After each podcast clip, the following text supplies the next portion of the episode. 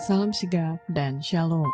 Renungan kita pada hari ini, Jumat 13 Oktober 2023, berjudul Salomo bersuka cita dalam kebijaksanaan dan kemakmuran yang diberikan Tuhan.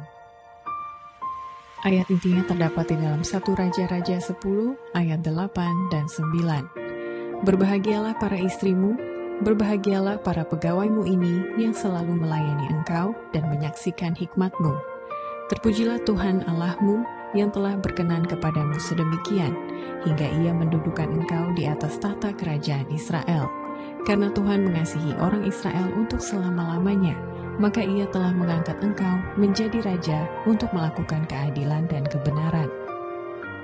Karena inspirasi menuliskan yang dimaksud dengan judul renungan kita pagi ini, Salomo bersuka cita dalam kebijaksanaan dan kemakmuran yang diberikan Tuhan adalah sebuah panggilan kehidupan yang praktis agar kita senantiasa tetap berusaha untuk menjadi orang yang bahagia sebagai faktor yang menunjang kebahagiaan sejati dan sarana untuk memulihkan hubungan kita secara vertikal kepada Tuhan dan horizontal dengan sesama sebagai berikut. Pertama, Tujuan Salomo bersuka cita dalam kebijaksanaan dan kemakmuran yang diberikan Tuhan, agar Salomo menggunakan suatu pengaruh yang hebat dalam rangka menegakkan kebenaran dan keadilan, dan agar supaya nama Yehova ditinggikan dan dihormati dengan maksud mendudukan pengaruh bangsa Israel di tanah perjanjian. Di dalam pemerintahan Daud dan Salomo, bangsa Israel menjadi kuat di antara bangsa-bangsa dan mempunyai banyak kesempatan untuk menggunakan suatu pengaruh yang hebat dalam rangka menegakkan kebenaran dan keadilan. Nama Yehova ditinggikan dan dihormati, dan maksud mendudukan bangsa Israel di tanah perjanjian secara pantas menemui kegenapannya. Rintangan-rintangan telah dihancurkan, dan mereka yang datang dari negeri-negeri kafir untuk mencari kebenaran tidak pulang dengan tangan hampa pertobatan-pertobatan berlangsung, dan gereja Allah di atas dunia menjadi besar dan makmur. Kedua, tujuan Salomo bersuka cita dalam kebijaksanaan dan kemakmuran yang diberikan Tuhan, agar ia maju dan makin lama makin bertambah kuat dari kemuliaan kepada kemuliaan, serta senantiasa mendekati kesamaan sifat-sifat Allah. Salomo diurapi dan diumumkan sebagai raja pada tahun-tahun terakhir dari ayahandanya Daud yang dengan senang hati menyerahkan tahta kerajaannya. Permulaan kehidupannya semarak oleh perjanjian dan adalah maksud Allah agar ia maju makin lama makin bertambah kuat dari kemuliaan kepada kemuliaan, senantiasa mendekati kesamaan sifat-sifat Allah dan dengan demikian memberi ilham kepada umat-umatnya untuk memenuhi kepercayaan mereka yang kudus sebagai penjaga-penjaga kebenaran ilahi.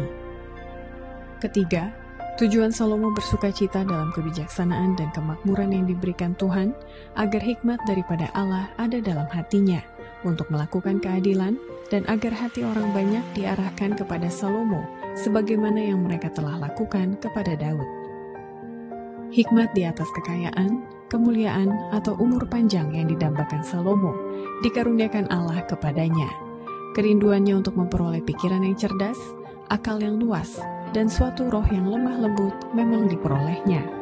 Dan seluruh orang Israel takut kepada raja, sebab mereka melihat bahwa hikmat daripada Allah ada dalam hatinya untuk melakukan keadilan. Hati orang banyak diarahkan kepada Salomo, sebagaimana yang mereka telah lakukan kepada Daud, dan mereka taat kepadanya dalam segala perkara. Salomo menjadi kuat dalam kedudukannya sebagai raja, Tuhan Allahnya menyertai dia dan menjadikan kekuasaannya luar biasa besarnya. Bertahun-tahun lamanya kehidupan Salomo ditandai dengan penyerahan kepada Allah, dengan keikhlasan dan asas yang teguh, serta dengan penurutan yang tegas akan perintah-perintah Allah.